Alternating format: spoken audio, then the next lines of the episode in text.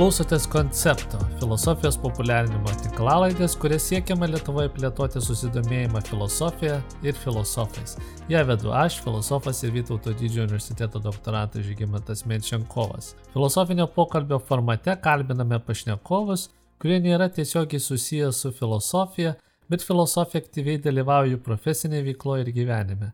Koks yra filosofijos vaidmuo ir kokie filosofai bei jų idėjos žavi?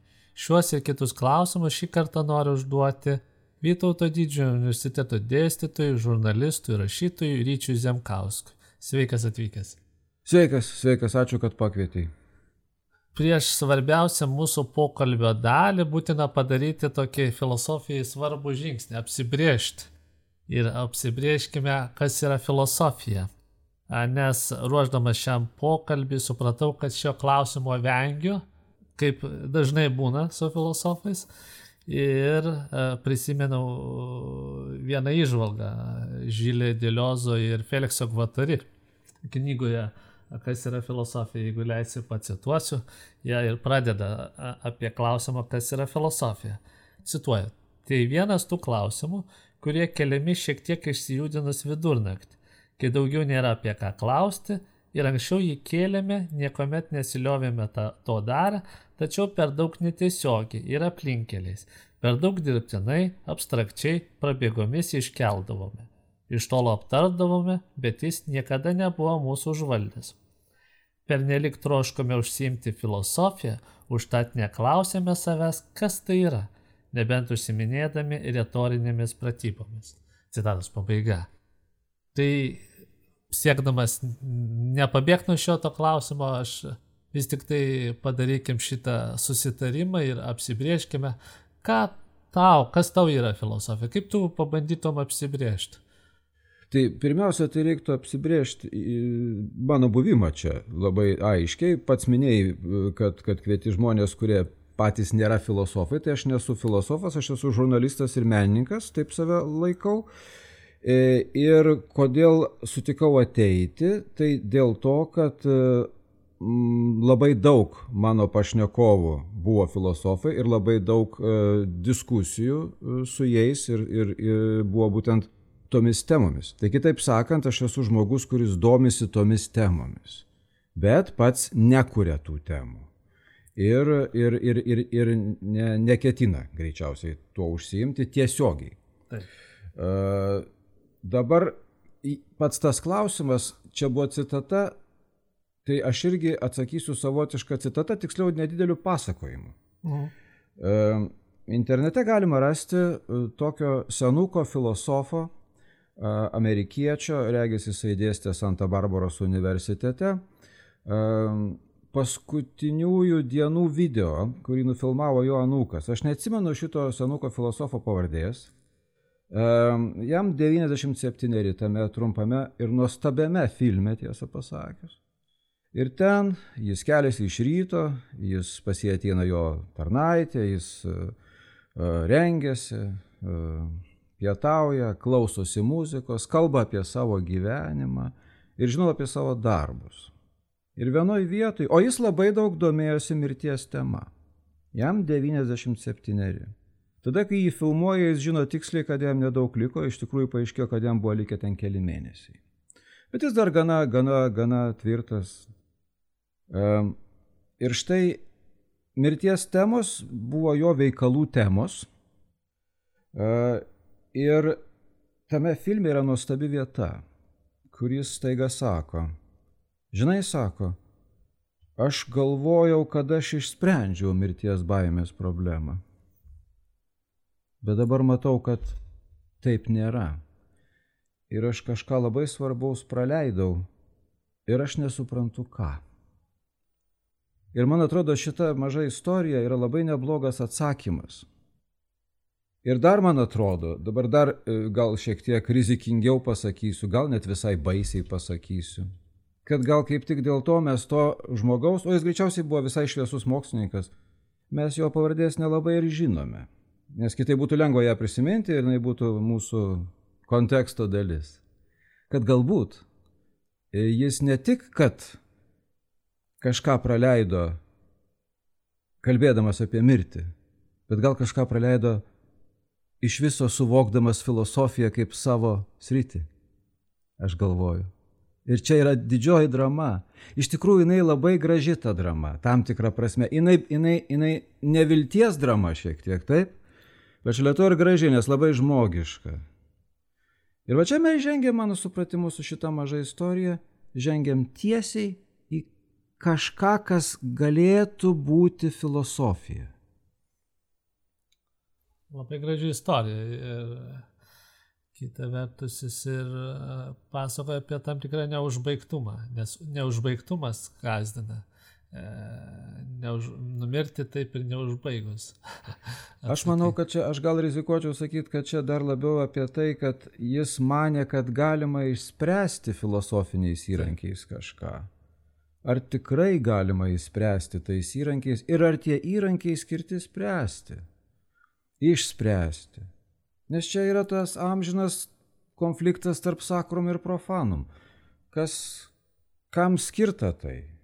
Ir jeigu mes klausiam, kas yra filosofija, aš galbūt klausiu, kam skirta tai? Aišku, kad tai yra tam tikras įrankių rinkinys.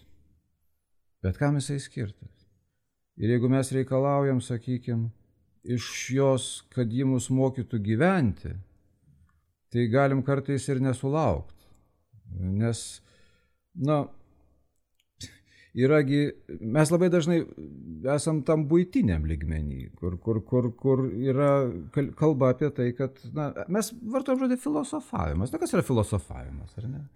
Tai tokia, tokia apibendrinimai iš patirties. Ar ne? Ir labai daugelį žmonių čia ir yra tai. Taip. Ar ne? Tai aišku, tai kvaila dabar sakyti šitam kontekste, aš įsivaizduoju, kad mūsų klausosi žmonės, kurie, kurie štai daugiau suprato mano pirmąją istoriją. E, manau, kad suprato, kur ten yra ta giluminė esmė. Bet čia yra nuojautos, taip, čia, yra, čia, čia nėra apie kasdienį ir, ir, ir tos akimirkos atsakymą į klausimą. Pokalbio pradžioje kėlė klausimą apie savo buvimo čia, pokalbėje prasme. Aš e, noriu paklausti kartu įvesdamas į, į idėją, filosofinio pokalbio idėją, kuri mano supratimu yra pastatyta ant minties, jog filosofija tiesiogiai ar netiesiogiai daro įtaką mūsų gyvenimams. Todėl patikrinti šią idėją kaip Platono dialogų pokalbininką būtent pakviečiau jūs, turinti nemenką pokalbių bagažą. Prieš pradėdamas klausti apie filosofijos ir mąstymo vaidmenį jūsų gyvenime, pirmiausia noriu paklausti nuomonės, kiek teisinga tokia mintis, ant kurios yra pastatyta filosofinio pokalbio formatas, e, kiek pagrindo turi. Galbūt iš tikrųjų filosofija neturi jokios įtakos mūsų gyvenimams. E, labai ačiū už šitą klausimą. Aš manau, kad mes iš karto ėmėmės gero darbo dabar. Nes e, aš ne tik žmogus esu, kuris nuolat dalyvauja pokalbiuose, bet, bet Platonas yra tai, kas, kas man įdomiausia ir tai, ką aš tiesą pasakius nuolat skaitau. Ir va čia iš karto, iš karto ir yra e, labai svarbus momentas. Man atrodo, kad e, ar ne Faidrė, Platonas sako, jis primena, kad raštą išrado toks egiptietis. Ir, ir, ir jam faraonas sakė, ar kas nors ten iš jo viršininkų sakė negerai. Užrašytas, užrašytas tekstas visada bus melas. Ne, ne, taip nereikia daryti, rašto nereikia. Ir toliau Platonas eina kalbėdamas apie tai, kad iš esmės užrašytas tekstas be diskusijos apie jį e, jis nieko nereiškia ir priešingai jis gali būti net ir destruktyvus. Nes jis, jis, jis negali atsakyti, jis negali su tavimi bendrauti. Tai čia aš jau vedu toliau. Tai vadinasi, tu, tu gali su juo žaisti kaip tau patinka. O kada mes kalbamės, ar ne, kada mes diskutuojam, tai mes tada išliekam gyvi e, tame filosofijos supratime, kuris man atrodo yra pats teisingiausias. E, ir iš čia dar, kas dar mano supratimu labai svarbu, iš čia kyla universiteto pati esmė. Taigi. Nes, univers... Nes tekstai visi yra internete. Tai universitetas yra visiškai ne tai. Universitetas tai yra mūsų bendravimas. Jeigu kalbam apie tikrą universitetą, o ne apie amatų mokyklą. Tai jis yra bendravimas ir buvimas, ir mums su tavim štai mes esam dviese, iš tikrųjų iki, iki tikrų platonikų, tai dar reikėtų poro žmonių čia. Žodžiu, reikia puotos, šiokios puotos, tokios. Tiesa. Reikia šiokios tokios puotos. Ir tada mes jau, mes jau, jau taptume prasmingi tuose kontekstuose daug labiau. Dabar mes kol kas tik tai kalbam apie, mes vaikštom apie e, e tuos dalykus. Bet tai, man atrodo, yra pati esmė. E, tekstas kaip atrama, tekstas kaip kažkoks nedidelis kelioninis rinkinys, bet jis nieko nereiškia be vietoje surinktų žolelių, be nuskintų vaisių, be nusipirktos druskos, jis nieko nebus. Ir be apylinkių, kurias mes galime žiūrėti, kai mes šnekamės. Mm. Tai štai mano supratimu platoniškasis vaizdas. Iš čia ir dialogai. Iš čia dialogo būtinybė. Ir atkreipkim dėmesį, kad Platonas savo esme demokratiškas, nes dialogiškas. Turbūt, nors e, sofistų mėgėjai paprieštarautų, sakytų, kad Sokratas, na, pats savo elgesiu kartais primesdavo, klausdamas ko, ko, tam tikrų klausimų ir nukreipdamas e, prie jam tinkamo požiūrio arba rezultatą, bent jau sofistai taip kritikuotų. Bet aš čia ginčičiaus, kad e, tada mes turime labai keistą galutinio rezultato fantaziją, kad, kad mes tikimės, kad bus galima pasiekti rezultato, niekada niekam neviršininkaujant. Mm. Manyčiau, kad šiaip normalus procesas yra dialogas iki tam tikro taško, kur paskui kas nors turi imtis iniciatyvos, o kiti savanoriškai ta, prisijungti prie tos iniciatyvos, nes ji buvo aptarta. Kitaip sakant, čia tas horizontalumo ir vertikalumo derinys, kuris, mm. mano supratimu, kiekvienam procese jis yra būtinas, visuomeniniam procese. Taigi ir filosofija. Tai filosofinį pokalbį noriu pradėti, jau čia ta pagrindinė tokia dalis mūsų pokalbio, iš pažiūros galbūt banaliu, bet svarbiu klausimu. Kokią vietą jūsų gyvenime užima filosofija ir jos esminis instrumentas mąstymas. Vėlgi, čia, čia reikia, reikia skirti, skirti šituos dalykus. Aš turbūt turėčiau sakyti, kad mano gyvenime svarbia vieta užima nulatinis logikos mokymasis. E, tai kaip ir turbūt dalis pasakytų, kad čia yra viena iš filosofijos disciplinų. E, bet daugiau įrankis, ar ne? Ir, mhm. toks, ir, ir čia tas paskaičiuojamas, pamatuojamas labiau įrankis yra. Aš apskritai esu labai už tai, kad universitetai, tikri universitetai, pirmuosius savo semestrus skirtų tik tai logikai.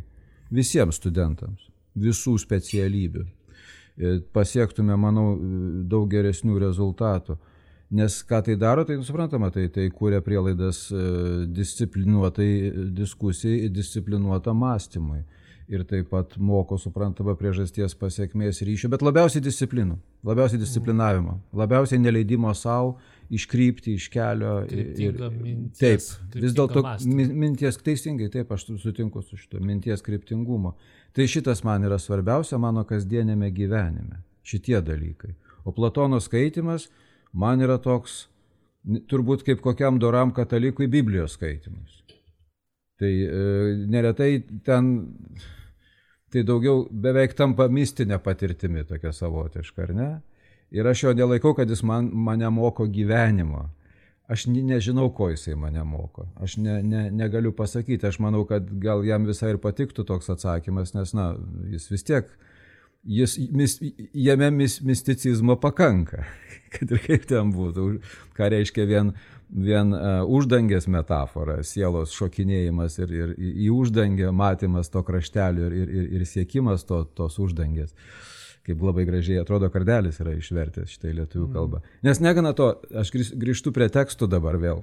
Tai tekstas, e, ne tik, kad tekstas pagal Platoną yra nepakankamas arba net meluoti gali, tai jis neretai yra ir verstas tekstas. Tai mes turime reikalą su vertimais Kažkas yra labai gražiai pasakęs, kad Europos civilizacija tai vertimų civilizacija. Umberto Eko, man atrodo. Vertimų. Tai čia darbės vertėjas įsiveda į šitą visą. Tai mes turim atspindžių, atspindžių, atspindžius. Uh, bet mes susišnekam. Ir man atrodo, kad štai tie atspindžiai yra, va ten filosofija tose sferose gyvena atspindžių, O, o susišneka mes dėl to, kad turim kasdienį gyvenimą ir turim tą senuko filosofo e, kasdienę būti ir būti ir kuri disonuoja su, su tuo, ką mes įsivaizduojame, kaip galėtų būti, ar ką mes esame nuveikę ir kokius turime instrumentus. Ir mes visą laiką šitame tarpe, na, tarp sakom ir profanam iš tikrųjų. Tai, tai aš kasdien naudoju daugiau logiką ir jos vis mokausi. Ir, ir visada kankinuosi, kad esu per kvailas. Tai mano pagrindinis savęs savęs savo uždavinys ir savo priekaištas, tai begalinio savo kasdienė kova, jei norite, su savo begaliniu kvailumu. Tai, tai labai nuoširdžiai pasakysiu. Tai, tai yra tai, ką, kuo aš užsijimu. Ir, ir, ir laikau save labai dideliu kvailiu ir, ir, ir, ir su tuo kasdien vargstu. Nu, Sokratas turbūt pagirtų tokią poziciją. aš turiu abejonių dėl Sokrato buvimo, bet čia... Vilnius universitete studijavo anglų filologiją, planuodamas pabėgti iš Sovietų sąjungos. Jo, buvot. Atgavus Lietuvos nepriklausomybę, atrodo, pasirinkimas neteko priežasties. Taip. Jeigu turėtumėt galimybę dabar rinkti studijuoti, ar rinktumėte studijuoti filosofiją? Jeigu sovietų laikai būtų, tai nesirinkčiau, grįžčiau prie to paties. Tiesa. Ir, ir, ir viską daryčiau taip pat, nes sovietų laikais filosofija buvo, ne, ne, nebuvo įmanoma, mano supratimu, ten normaliai. Tiesiog filosofijos istorija arba vertimai galėjo būti. Na taip, ten buvo, buvo viskas kaip ir viskas toje sistemoje. Um, Bet jeigu dabar jeigu dabar su dabartiniu protu, tai, tai ko gero aš gal net rinkčiausi kokią matematiką. O. Su dabartiniu, su, su, su dabartiniu tuo kvailu protu. nes, nes galvoju, kad aš numenkinau savo gyvenime ilgus metus labai matematikos vaidmenį ir ją niekinau. Bendraja prasme matematika. Įsikaliau savo galvą labai anksti, kad aš kažkoks tai humanitaras kas yra savaime nieko tokio, bet priešinti humanitarą matematiką yra visiškai kvaila. Tai, tai dabar aš galvoju, kad gal man būtų labai pravertę ir mane disciplinavę. Vėlgi aš grįžtu prie to paties. Prie, prie disciplinavimo, prie ribų, ribų įsivedimų. Mažiau būčiau sugaišęs laiko klystkeliams. Taip man atrodo. Bet filosofija kaip gretutinės studijas, tai rinkčiausi. Kaip gretų, kaip šalia. Jeigu man universitetas suteiktų tokią galimybę, aš rinkčiausi. Turbūt. A, filosofija yra platus laukas tiek filosofais, tiek temomis, tiek idėjomis. A, jau prasitarėt apie Platoną. Ar Platonas būtų tas vienintelis autorius, a, filosofas, kuris jūs domina, domino ir domina, ar vis tik tai dar įvardintų daugiau filosofų ir kokios pagrindinės temos e, domina? Konceptai, savokos? Domina, bet nėra laiko visiškai ir, ir tai yra visada problema. Ir žinau, kad prie Herakleito turėčiau prieiti kažkada, bandyti, kiek, kiek esu užčiuopęs, kas, kas ten galėtų būti, nes, nes, nes domina, aišku, prasmė pagrindinis dalykas domina prasmė, bet ne tiek egzistavimo prasmė, dėl ko mes čia, bet kaip mes čia, buvimo, kokiu, kokiu būdu čia galima geriausiai būti. Ir, ir aišku, domina, kaip viskas yra susiję. Teorija tarsi, kuri, kuri padeda užčiuopti ryšius tarp visko, kuri suriša viską, kas aplinkui yra ir kas matoma ir nematoma į vieną prasmingą visumą. E, šalia to suprantant, kad labai gali būti, kad mes esam būtybės, kurios išsigraužia savo tvarką chaose, tam tikrą prasme, susikuria. Kaip labai geras daiktas yra Minecraft žaidimas, mano supratimu. Ten, ten yra idėja, kad tu chaose sukuri kažkokią tvarką. Mhm. Iš, iš nieko. Iš, iš esmės iš nieko, iš, iš, iš tų statybinių blokelių, taip, beveik platoniškų trikampių, jei nori. Mhm iš, iš pačių, pačių pirminių, pirminių a, a, statybos blokų. Tai tie dalykai mane domina. Tai čia yra abstraktus dalykai ir jie e, kasdienėme gyvenime man nei padeda, nei trukdo. Jie man taip yra įdomus. Aš apie tai dažnai mastau, apie ryšius, apie kaip viskas susiję, apie kodėl viskas įvyksta taip ar kitaip. E, pavyzdžiui, kodėl, kaip, kaip yra, kad yra daug kalbų skirtingų Ar ne? Kokia prasme yra daugelio kalbų buvimas. Skirtingos kalbos. Ne viena kalba, kad žmogų, žmonių rūšės kalba, bet, bet skirtingos kalbos. Kodėl? E, kiti dalykai. E, ir, ir, ir, ir vėlgi žiūrint į kasdienį gyvenimą, į, sakykime, įvairius perversmus, įvairius judesius, kurie įvyksta. Tai man įdomios priežastys, kodėl viskas įvyksta, kokiu būdu sniego kamolys pradeda kurtis ir ridentis, ir, ir kada jisai sustoja, ir dėl ko. Dėl ko viskas atsiranda, kaip klausė Greimas, ar ne? Aš nemėgstu cituoti, bet pastebiu, kad vis pacituoju ką nors. Um, tai, tai man šitie dalykai įdomus. Jeigu, bet tai yra, tai yra daugiau, daugiau tokia proto mankšta ir aš manau, kad jinai paskui kasdienėme darbe ir yra naudinga. Bet netiesiogiai. E, ruoždamasis kokiam nors pokalbiui, aš nebūtinai turiu skaityti Platoną, kartais daug geriau yra paklausyti 50 Cent. Tokį beklausydamas apie tą būtinybę chaose sukurti tvarką arba prasigraužti tvarką. Tiesą sakant, labiau į mintį, į galvą įkrito kitas pavyzdys - kurusdėlės. Ar jūs kur, kur žemė įsigraužia tam chaose savo tvarką, tokius tuneliukus sakant, panašiai tam tikras kaip civilizacija, skrusdėlynas. Už tai mus ir domina skrusdėlyno metafora. Mes jaučiam kažkokį, kad jos kažką, šitas skrusdėlių gyvenimas kažką galėtų tarsi paaiškinti apie mūsų gyvenimą. Tai. Tai mes mėgstam skrusdėlės kaip pavyzdį savo mm. kartais duotis. Ir ne vienas, jeigu aš teisingai pamenu, ne vienas ir filosofas yra rėmėsis šitais uh, vabalėliais. Įsivaizduokim, jog vis tik tai esat filosofijos studentas, reikia parašyti baigiamąjį darbą. Ir tai kaip galėtų vadintis tas darbas ir kokią tezę bandytumėt svarstyti ir kodėl? Čia sunkus labai klausimas, nes niekad nesu, nesu apie tai galvojęs. Uh, vis tik aš bandyčiau, gal dabar iššausiu negalvodamas, tai, tai nieko čia, nieko čia mm, neslėpsiu, kad, kad nesu tam pasiruošęs ir nežinau, kaip teisingai būtų galima atsakyti, ar yra teisingas atsakymas. Nemanau, kad teisingas atsakymas. Vis dėlto mane labiausiai žavi Platono lite, literatūriškumas. Mm.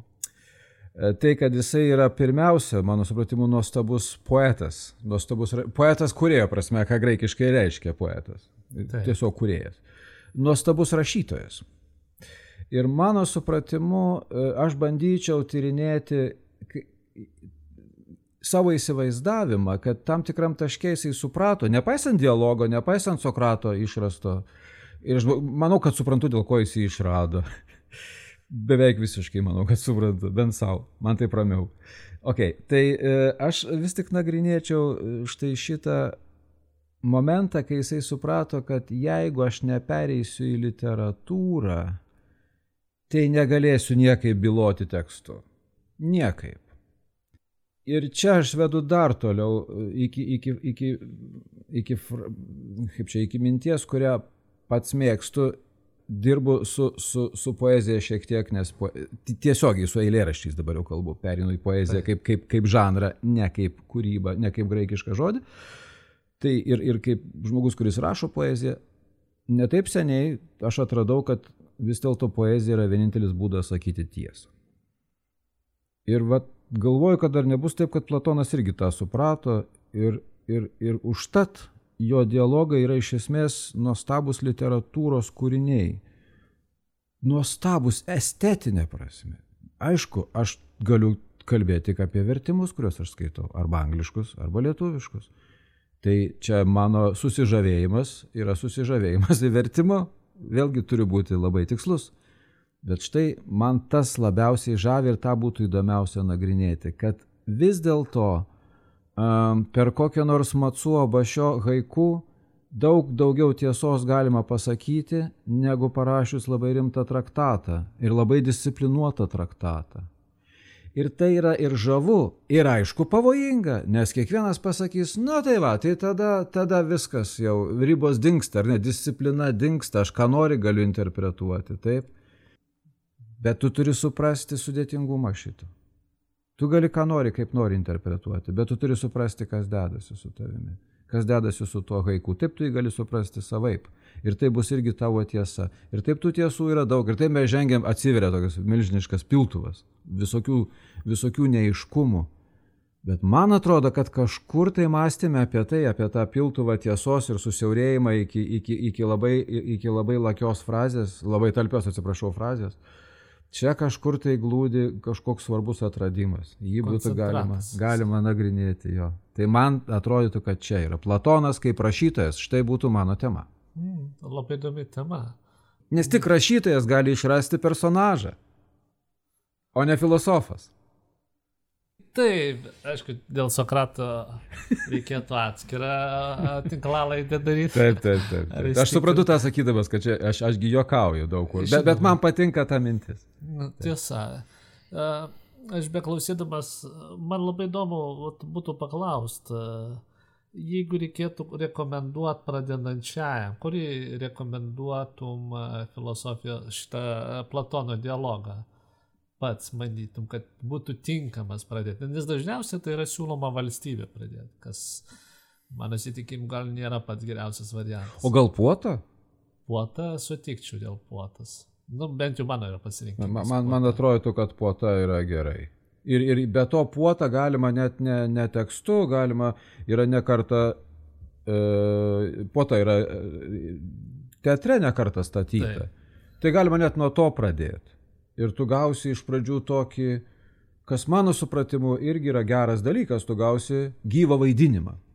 Tegul jisai bus režisieriaus paveiktas ir aktorių perteiktas ir daug, daug įvyks, tame kelyje bus daug subjektivumo, ar ne, ar daug dalyvių tavo kelyje.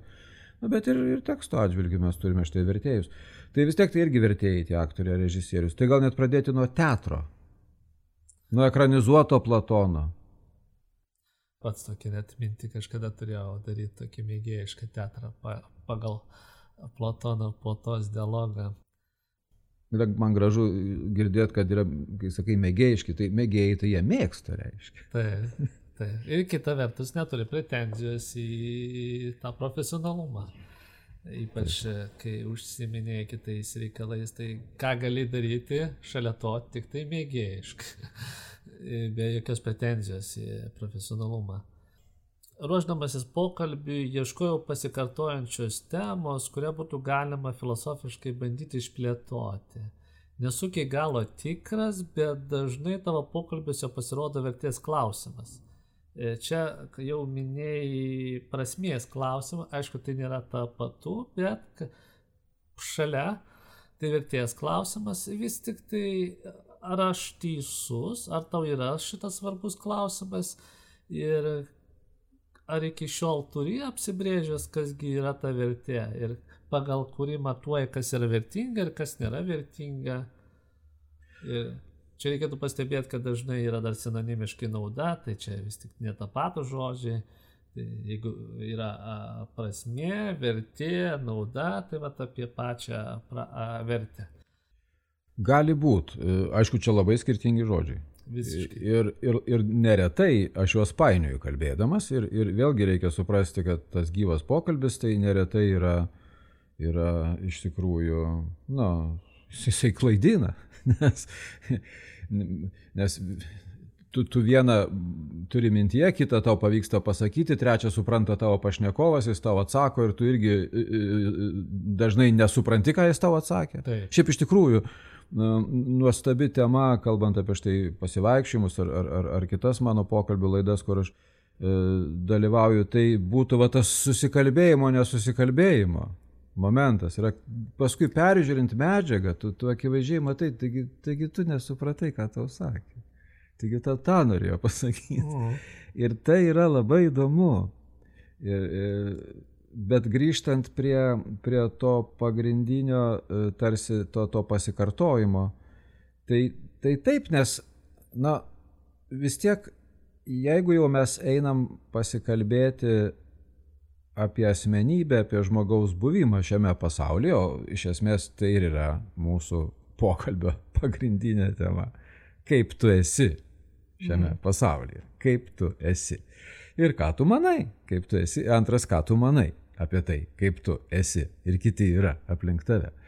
Tai čia toks pats būtų pats, pats bendriausias dalykas. Taip? Ir, ir tada, aišku, mes turime štai tą, ką nuo pat pradžių šnekam, tos du lygmenis. Yra tas nauda, čia galim pabandyti at, atrinkti, yra ta pra, nauda tokia tiesioginė, pavyzdžiui, tu kalbėjai apie, ir tas pats yra su Praktinė filosofija. Nauda. Jo, Ir tas pats, kad ir su filosofija, nes nu, neretai problema yra reikia apginti. Kam reikalinga filosofija, tai klausimas kyla ne dėl to, kad jinai šiaip kam reikalinga, bet kaip ją čia apgynus, kad, kad būtų galima ją užsimti ir kad žmonės galėtų pragyventi su ją turėdami e, ryšį. Ir, ir kad būtų galima įtikinti kitus, kad tai yra vertingas daiktas, va, nauda ir vertė. Ne? Tai. Jo. Ir, tai tas pats yra su menais. E, tas pats yra su menais. Neretai eini ir įrodinėjai, kad menas reikalingas. Nors iš tikrųjų tai šiaip neturėtum to įrodinėti niekam. Tai tu ką darai? Tu aiškini, kad, nu, va, žiūrėk, jau čia meno kūrinį iš esmės galima ir įsigyti, ir parduoti, tai čia ir prekė gali būti. Gali, bet neprivalo. Ir, ir ne apie tai yra menas. Lygiai taip pat filosofija. Gali jos įžvalgos, kurias pateikia autoriai, gali būti naudingos pramoniai. Nu, tai gali, bet neprivalo. Ir tas galėjimas visiškai nei duoda filosofijai ką nors, nei atima iš jos. Tai. Ir tas galėjimas parduoti kūrinį nei atima kažką iš meno, nei duoda kažką menui. Man atrodo, va tą svarbu suprasti. Tai yra iš viso net nesusiję dalykai niekaip.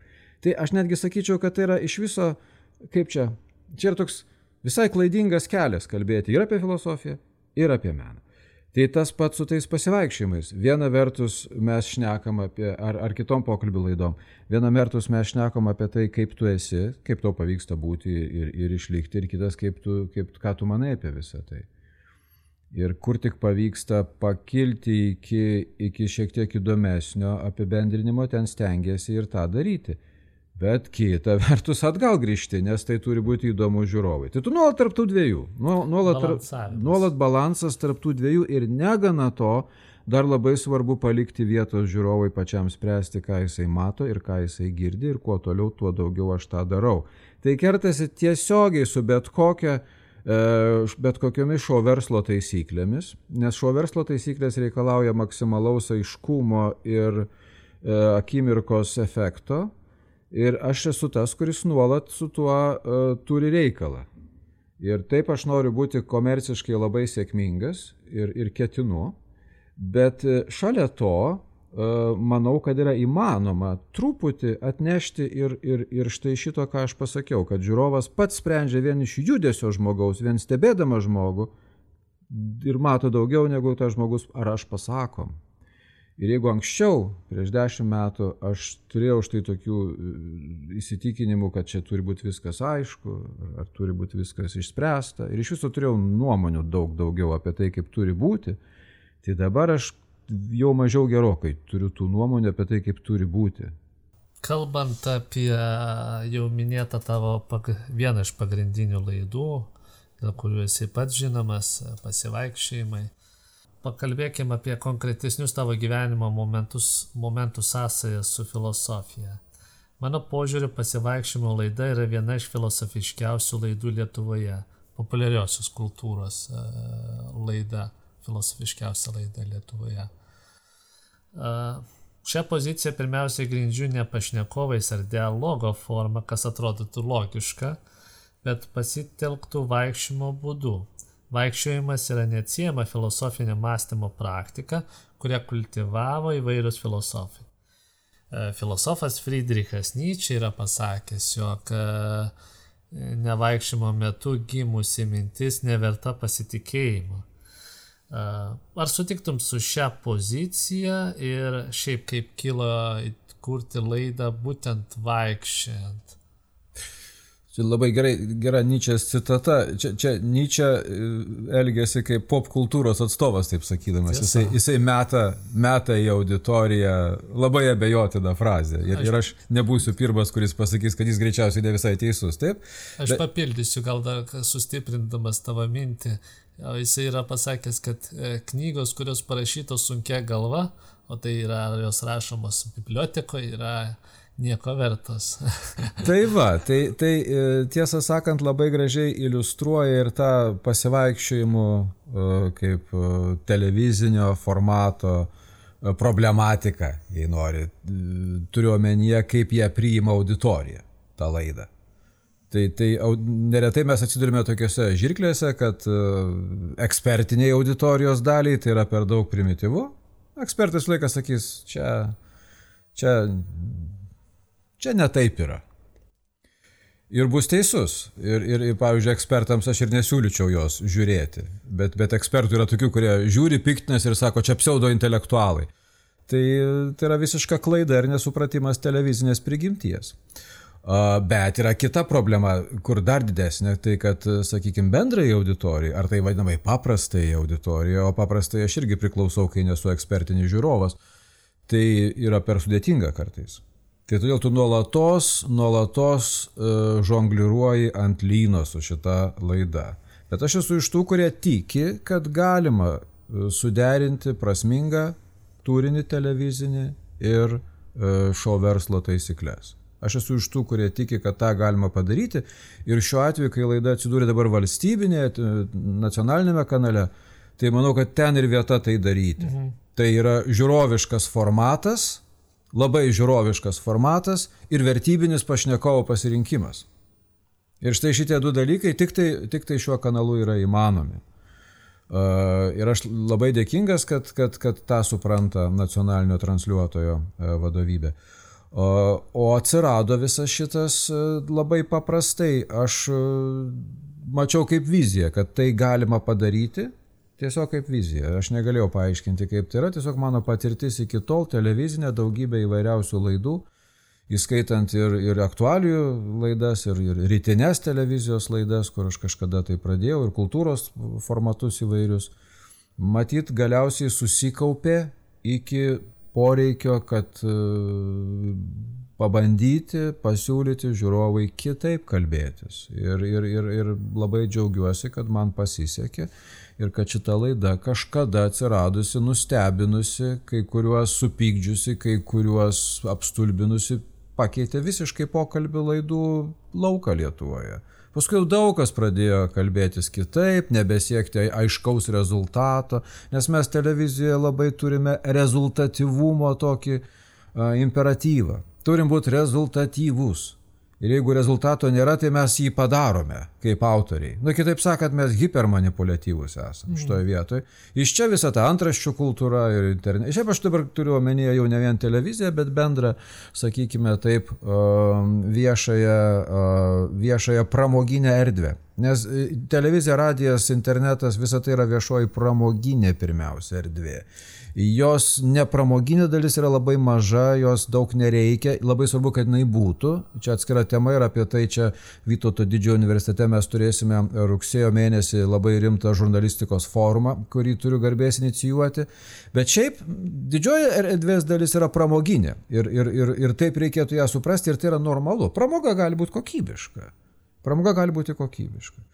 Kažkada Austro-Vengrijos dvare irgi būdavo labai kokybiškos pramogos. Tai, tai mes galim to visai nesibijoti, bet tą nebijoti ir įvardinti. Tai štai pasivaikščiojimai yra toks geras derinys, mano supratimu. Tarp, tarp e, pramoginio formato, bet vertybinio turinio kartais. Ir aš visą laiką stengiuosi tai laviruoti tarp šių dviejų. Ir aišku, aš rizikuoju, rizikuoju gauti piktų atsiliepimų apie tai, rizikuoju gauti piktos kritikos ir kartais geros kritikos, bet tai viskas yra naudinga tobulėjant. Viskas tai naudinga einant į priekį. Aš manau, kad su šia laida žmonės pamatė ir išgirdo labai vertingų minčių. Tai man svarbiausia, aš esu žmogus, kuris visomis išgalėmis reklamuoja jums savo pašnekovą, e, siekdamas, kad jūs jį pamiltumėte, pamėgtumėte, ir, nes kitaip, jeigu nepamilsit ir nepamėgsit, tai jūs jo minčių ar jos minčių neišgirsit iki galo. Tai maždaug toks būtų mano paaiškinimas. Vienam pokalbėje tu pasakei, kad tu mokaisi iš savo pašnekovo. Taip. Esi minėjęs, jog pasivaikščiojimo laida tau da, daug davė. Leido apsibriežti ribas, pamatyti pasaulį, iš ko jisai sudarytas. Žinoma, pasaulį sudaro ir pašnekovai, kuriuos tu kalbini. Ar galima būtų sakyti, jog tai yra vienas iš pažinimo būdų, kuris suteikia pašnekovai. Ir dėl ko klausiu, man tiesiog e, aš prisiminiau filosofą Emanuelio Levino tokią mintį, jis yra pasakęs, kad pažinimą apie pasaulį mums duoda kitas. Ne mes apie tą pasaulį, bet kitas. E, esam priklausomi nuo kito, kalbant apie pažinimą. Kaip tau šita mintis ir sie, susijęs su tavo laida? Aš grįšiu prie Levino, bet pirmiausia, tai aš visiškai sutinku ir, ir e, pašnekovai yra nuostabus mokytojas. E, aš esu žmogus, kuriam e, pasisekė gyvenime nesvietiškai. Tai yra didžiulė prabanga mokytis iš pačių geriausių. Bet ir ne tik pašnekovų. Pastaruoju metu Ir čia aš minėjau kritikus ir piktus, ir nepiktus, ir interneto komentarai, ir tie žmonės, kurie ateina pas mane komentuoti ir žiūrėti į oficialų uh, mano Facebook'o paskyros uh, kanalą. Visa tai irgi yra mokytojai. Ir aš iš tų žmonių gaunu labai daug, nes tu tuoj pat išgirsti reakcijas, tu pamatai pasaulio įvairovę. Taip kartais tos reakcijos tau labai nepatinka, bet tu turi prabangą iš viso tai gauti. Ir aš tai laikau, kad tai yra labai naudingas dalykas, labai naudingas dalykas. Tik reikia e, turėti jėgų tai priimti. Nes aišku, mes visi žmonės ir būna dienų, kai mes nenorime, kad kas nors mus kas nors ko nors mokytų ir mes jaučiamės, kad mes jau kažką išmokė, taip? Bet paskui nusiramini, įsimėgi ir pagalvoji, kad Velnes vis tik tai galbūt aš ne visai teisus buvau ir, ir, ir su savo kvailumu kovoti labai padeda e, daugybė žmonių, kurie į tave ir į tavo veiklą reaguoja. Tai čia šitas dalykas. Dabar apie kitą. E, manau, kad taip, Levinas vis, visiškai teisus yra, e, sakydamas, kad be pasitikrinimo, man atrodo, kad čia galbūt kitas, galbūt daugiau, bent man, yra tas pasitikrinimas. Patikrinimas tavo, tavo, tavo to, ką tu vienatvėje apgalvoji. Bet turi būti ir tas, ir tas, aš galvoju. Vis tiek reikia turėti laiko būtinai savo, vienam, su savimi ir e, ne, ne, nemažai dalykų, mm, jeigu jų neišneši į viešumą, tai jie tavyje užgimsta, pabūna ir ramiai numiršta. Ir tas procesas e, užgimimo, pabuvimo ir ramaus numirimo e, minties tavyje, jis irgi moko tave. Nes jeigu tu tik tau užgimė ir tu iškart pasakėjai, va kaip dabar interviu metu, na man kas nors čia užgimė, aš iš karto pasakiau. Tai, tai aišku, kad kartais pasiseka, o kartais tai visai žalias ir kvailas dalykas, ar ne? Būtų geriau kartais kai kurių minčių neišsakyti. Ir tiesą sakant, laikau, kad išmintis neretai yra nedaryti ko nors, o ne daryti ką nors. Nesakau, kad kai reikia, reikia sustoti. Ne, kai reikia, reikia daryti. Bet vis dėlto išmintis neretai yra susilaikimas. Tai yra vėlgi disciplinavimasis pabandžiau surašyti visus filosofus, kuriuos tu kalbinai pasivaikščiojimo laidoje. E, Leonidas Donskis, Gintautas Mažėkis, Reinas Raudas, Alfonso Lingis, Algis Mitskūnas, Kristupas Sabolius, Antanas Mockus, Arūnas Gelūnas, Nerija Putinaitė. Na, dar ne, galbūt nesurašiau, ne, gal kiti yra baigę filosofiją, tai čia reikėtų atsiprašyti. E, bet tikėtina ne visus sužymėjau. Ką reiškia kalbinti filosofą? Ir kas prakalbina filosofą, mąstytoją. Ar turi kažkokį specifinį raktą? Ar, jie, ar, ar, ar, ar filosofas kaip pokalbininkas jis yra a, kitoks? Ne, aš nemanyčiau, kad kitoks. Vis tu, tu kalbėsi su žmogumi, kuris atsitiktinai yra filosofas. Man taip atrodo vis tiek. E, čia tas pats, kas žmogaus titulai kokie nors, ar ne, tai pavyzdžiui, profesorius, profesorė. Tai tugi kalbėsi ne su titulu, ne su mokslo e, titulu, o su, su, su žmogumi kalbėsi. Su žmogumi, kuris turėjo šiandien tokią dieną iki tavęs ir dabar susitiko su tavimi ir, ir turi tokią nuotaiką ir tokią situaciją ir taip atrodo. Pirmiausia, man tai yra. Pirmiausia, man tai yra. Jeigu tas pavyksta susijungti su žmogaus dabartimi, mano dabartis susijungia su tavo dabartimi, mano dabartinis šios sekundės 14 val. esantis, aš kalbasi su 14 val. esančiu tavimi. Jeigu mums pavyksta va, tą gerai pagaut, tai tada viskas eina. Tada viskas eina. Ir atvirkščiai. Jeigu nepavyksta, nieko nebus, net įcituosiu tavo veikalus, kur tu parašiai, vėlgi ar kažką. Mhm. Nieka, niekas tas nesuveiks. Neturiu aš jokio recepto, aš einu va su šituo, su koks tu žmogus, ką aš iš tavęs jaučiu, kas spinduliuoja tavyje man šią akimirką. Man tai yra. Aš ruošiuosi, suprantama, tai aš rašausi tuos savo, kaip aš mėgstu sakyti, 40 klausimų ar kažkas panašaus. Mm, bet, bet dažniausiai vis tik tai yra lūžis, kiekvienoje laidoje beje būna lūžis. Ir anksčiau aš galvodavau, kas yra. E, būna momentas, kai aš nežinau, ko klausti. Beveik visada tas momentas būna. Ir aš galvoju, kas čia neprofesionalumas gal. Ir vėliau aš vis tik supratau, kad čia yra lūžis akimirka, kai keičiasi tai, ką tu atsinešiai į interviu, pasikeičia į tai, ką tu čia pat vietoje gavai. Pasikeičia tikrovė. Taip. Taip. Ir tampa ne, ne, netinka kai kurie. Taip. Klausimai. Ir tau reikia, ir tau, tavo matrica turi persikrauti. Mhm. Įvyksta matricos persikrovimas. Tu jau sužinojai šią akimirką pakankamai ir nuotaika keičiasi. Tas beveik visada būna. Tai tai tik įrodo, kad e, ar tu kalbinsi filosofą, ar muzikantą, ar aktorių, ar mokslininką kitos ryties, ne filosofą, ar sportininką, vis tiek, vis tiek bus e, daug svarbesni dalykai žmogiški.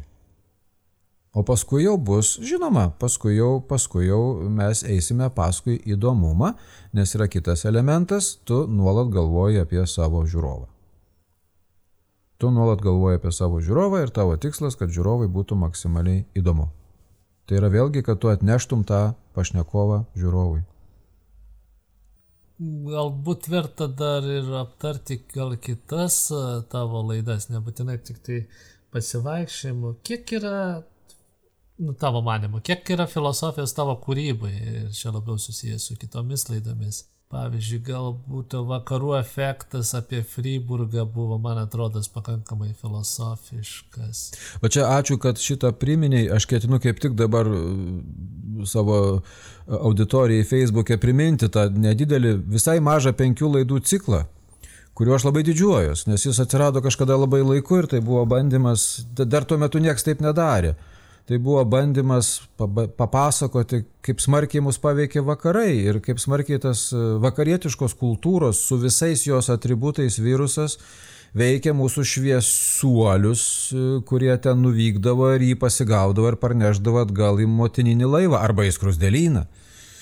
E, ir, ir man atrodo, kad tai iš tikrųjų buvo labai labai naudingas, naudingas pasakojimas visais požiūriais. Kaip smarkiai mes esame pasaulio žmonės, kaip smarkiai mes esame Europos žmonės, kaip mes sugrįžtame į savo tėvynę, į savo buvimą toje Europoje, apie kurią Leonidas visą laiką kalbėdavo. Ir, ir aišku, Česlavas Milošas, gimtoji Europa, tai čia, čia nuolatinės temos. Kitas mano herojus, su juo nebuvo pasivaikščiojimų, su juo buvo lankų laida. Uh, kažkada labai seniai, tiesiog paprasčiausiai dėl paprastų priežasčių, kad prasilenkė, prasilenkė laikmetis ir, ir Milošo nebebuvo jau e, galimybės. E, bet, bet aš manau, kad taip, šitas visas šitas projektas e, galėjo tęstis. Man labai gaila, kad, kad, jo, kad, jis, kad, kad mes negavom finansavimo, ne, nes na, mažai, kas, mažai kas tuo metu įvertino, kad tai naudinga yra labai. Ir aš visai kitame ampluotėm buvau, aš ten specialiai įvaizdį mes kūrėme, visokius tai. dalykus darėm, ko šiaip aš niekada nedarau.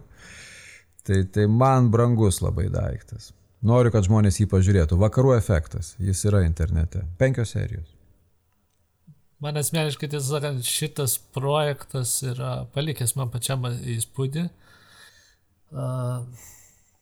Man turbūt galbūt busimi klausytojai neatleistų, jeigu nepaklausčiau klausimų susijusių su kinu. E, kinas yra vienas iš parankių būdų perteikti filosofinės įžvalgas, o režisieriai nori semėsi įkvėpimo iš filosofų. Tavo pasirinkimas, koks filmas būtų filosofinis ir kodėl? Oi, tai jų daug yra. Bet, pa, sakykime, kokį nežinau, jeigu daug, tai gal top 3 ar kokį vieną.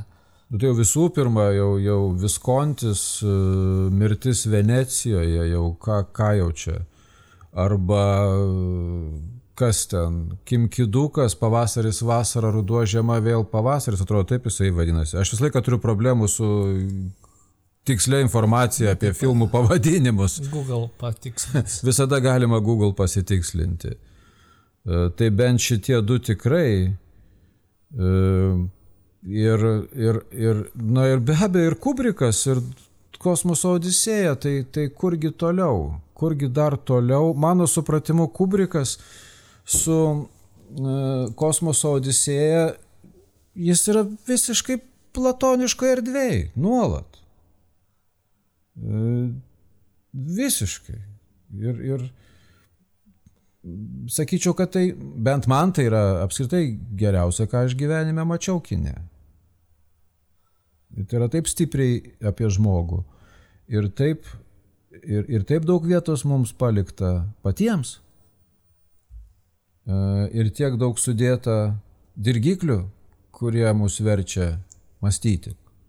Nes nu, filmas, mano supratimu, jis net neprivalo atsakyti į klausimus, jeigu jis filosofinis. Tai vėlgi tas pats, jis privalo juos skatinti mumise, tą procesą, tą džiaugsmą. Vis tiek tai turėtų būti džiaugsmas, aš galvoju, dar kas labai svarbu.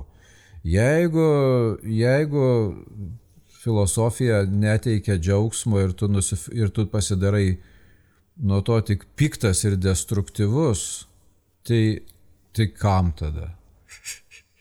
Aš neturiu omeny, kad ji turi teikti kažkokį, uh, sakykim taip, na, džiaugsmą, kuris, kuris atbūkintų tave, ar ne? Tai ne. Bet jinai turi, turi sus, tai, sukelti tavyje įkvėpimą, bent jau, taigi džiaugsmingą įkvėpimą. Čia jau visai apibendrinant. Tai Kubrikas man tokį teikia, nors mm. jis labai pesimistiškas, mano Tiesa, supratimu, savo. Ypatingai. Žinoma, bet vis tiek tai, na, yra, aš, vis, aš nelabai noriu smulkiai sakyti, ką aš ten matau, nes nematau prasmės, aš tik tai noriu pakin žiūrėti. Tas pats, tas pats apie Kim Kiduką, tas pats apie, apie Viskontį, pagal Tomą Maną. Vėlgi, filosofiška rašytoja, mėgusi ir, ir, ir, ir, ir labai rimtai studijavusi, sakykime, krikščionybę, kuri vėlgi labai rimtai remiasi Platonu. Tiesa? Tiesa. A, mūsų pokalbį norėčiau pabaigti klausimų susijusių su poezija.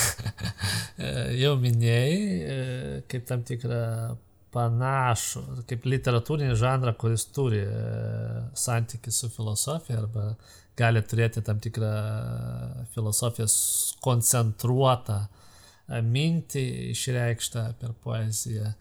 Ir aš tiesą sakant, neseniai tik tai at, atkreipiau dėmesį į tavo poeziją ir pabandžiau skaityti ir ieškoti kažkokią tam tikrą filosofinę temą, kurią būtų galima uh, pasikalbėti pabaigai. Tai man labiausiai paliko įspūdį 11. Vadinasi, atšilimas didžiausias džiaugsmas. Skamba taip, jeigu leisi pacituot. Atšilimas didžiaugs, didžiausias džiaugsmas. Žiūrėk, kaip teka po ir jo greitis yra tasai, kuriuo turi matuoti savo žingsnius. Apie neskubėjimą yra daug pasakyta, bet tik vienas kitas žino, kaip tą daryti. Tai čia yra neskubėjimo tema, iš taip, tikrųjų. Taip. E, ką, ką tau pačiam reiškia neskubėjimas ir ypatingai mūsų kontekste, aišku, pandemija, karantinas liktai sugražino mus prie to neskubėjimo, e, bet ar iš tikrųjų mes tą neskubėjimą, čia prieš tau pradėdamas kalbėti pabandžiau pasigilinti apie neskubėjimą ir, ir yra vienas iš tokių pavyzdžių iš Platono dialogo, kur pateikimas te, teisininko figūra, kuris siekia skubėti, pataikyti minutė, minutė, viską kuo daugiau atlikti. Ir jam prieš pastatomas yra filosofas, kuris e, e bando gal net nereikėtų sakyti bando, bet uh, lietai e, siekia apmastyti ir neskubėti, kaip sakant, tokio neskubėjimo figūra. Tai ką, kas tau pačiam yra šitas neskubėjimas? Ir čia susijęs su šito poezija, kurią aš. E, Taip, čia iš ciklo Šilkverpis, kuris yra internete. Čia internetinė knyga, kurią aš padėjau ten 2006 metais. Yra pirmoji internetinė poezijos knyga Lietuvoje. Iki šiol ją galima rasti. Šilkverpis. Tikrai. Ačiū, kad priminiai.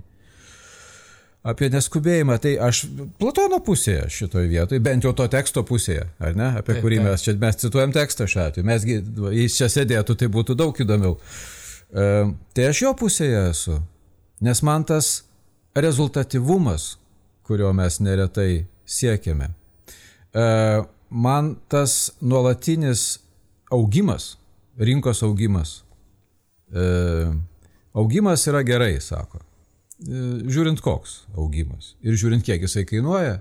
Ir jeigu tas augimas buvo toks žvėriškas, kad mano gyvenimas pikšt ir pasibaigė, tai aš nenoriu tokio augimo tada. Turiu menį ekonomikos augimą ar ten kažką panašaus. E, rezultatyvumas, efektyvumas, visi tie žodžiai, lyderystė, labai daug jų yra dabar, jie yra mėgstami. E, Tai vis, visa tai yra geri dalykai, bet tai yra tie traukiniai, kuriuos, kuriais reikia pavažiuoti. Nes yra faina jais važiuoti beje. Ir aš mėgstu jais važiuoti tais traukiniais efektyvumo, lyderystės, uh, panašiai, na, to, kas daž, augimo. Taip. Uh, ir aš iš viso mėgstu važiuoti greitai automobiliu, net labai greitai. Bet, uh, man atrodo, lygiai taip pat svarbu yra pavažiuoti bet paskui sustoti, išlipti ir pasivaikščioti. jeigu, nepa, jeigu viena be kito, nieko nebus. Ne, nebus gerai, nebus laimės, nes laimė tai kontrastuose, man atrodo. E, ir kontrastuose.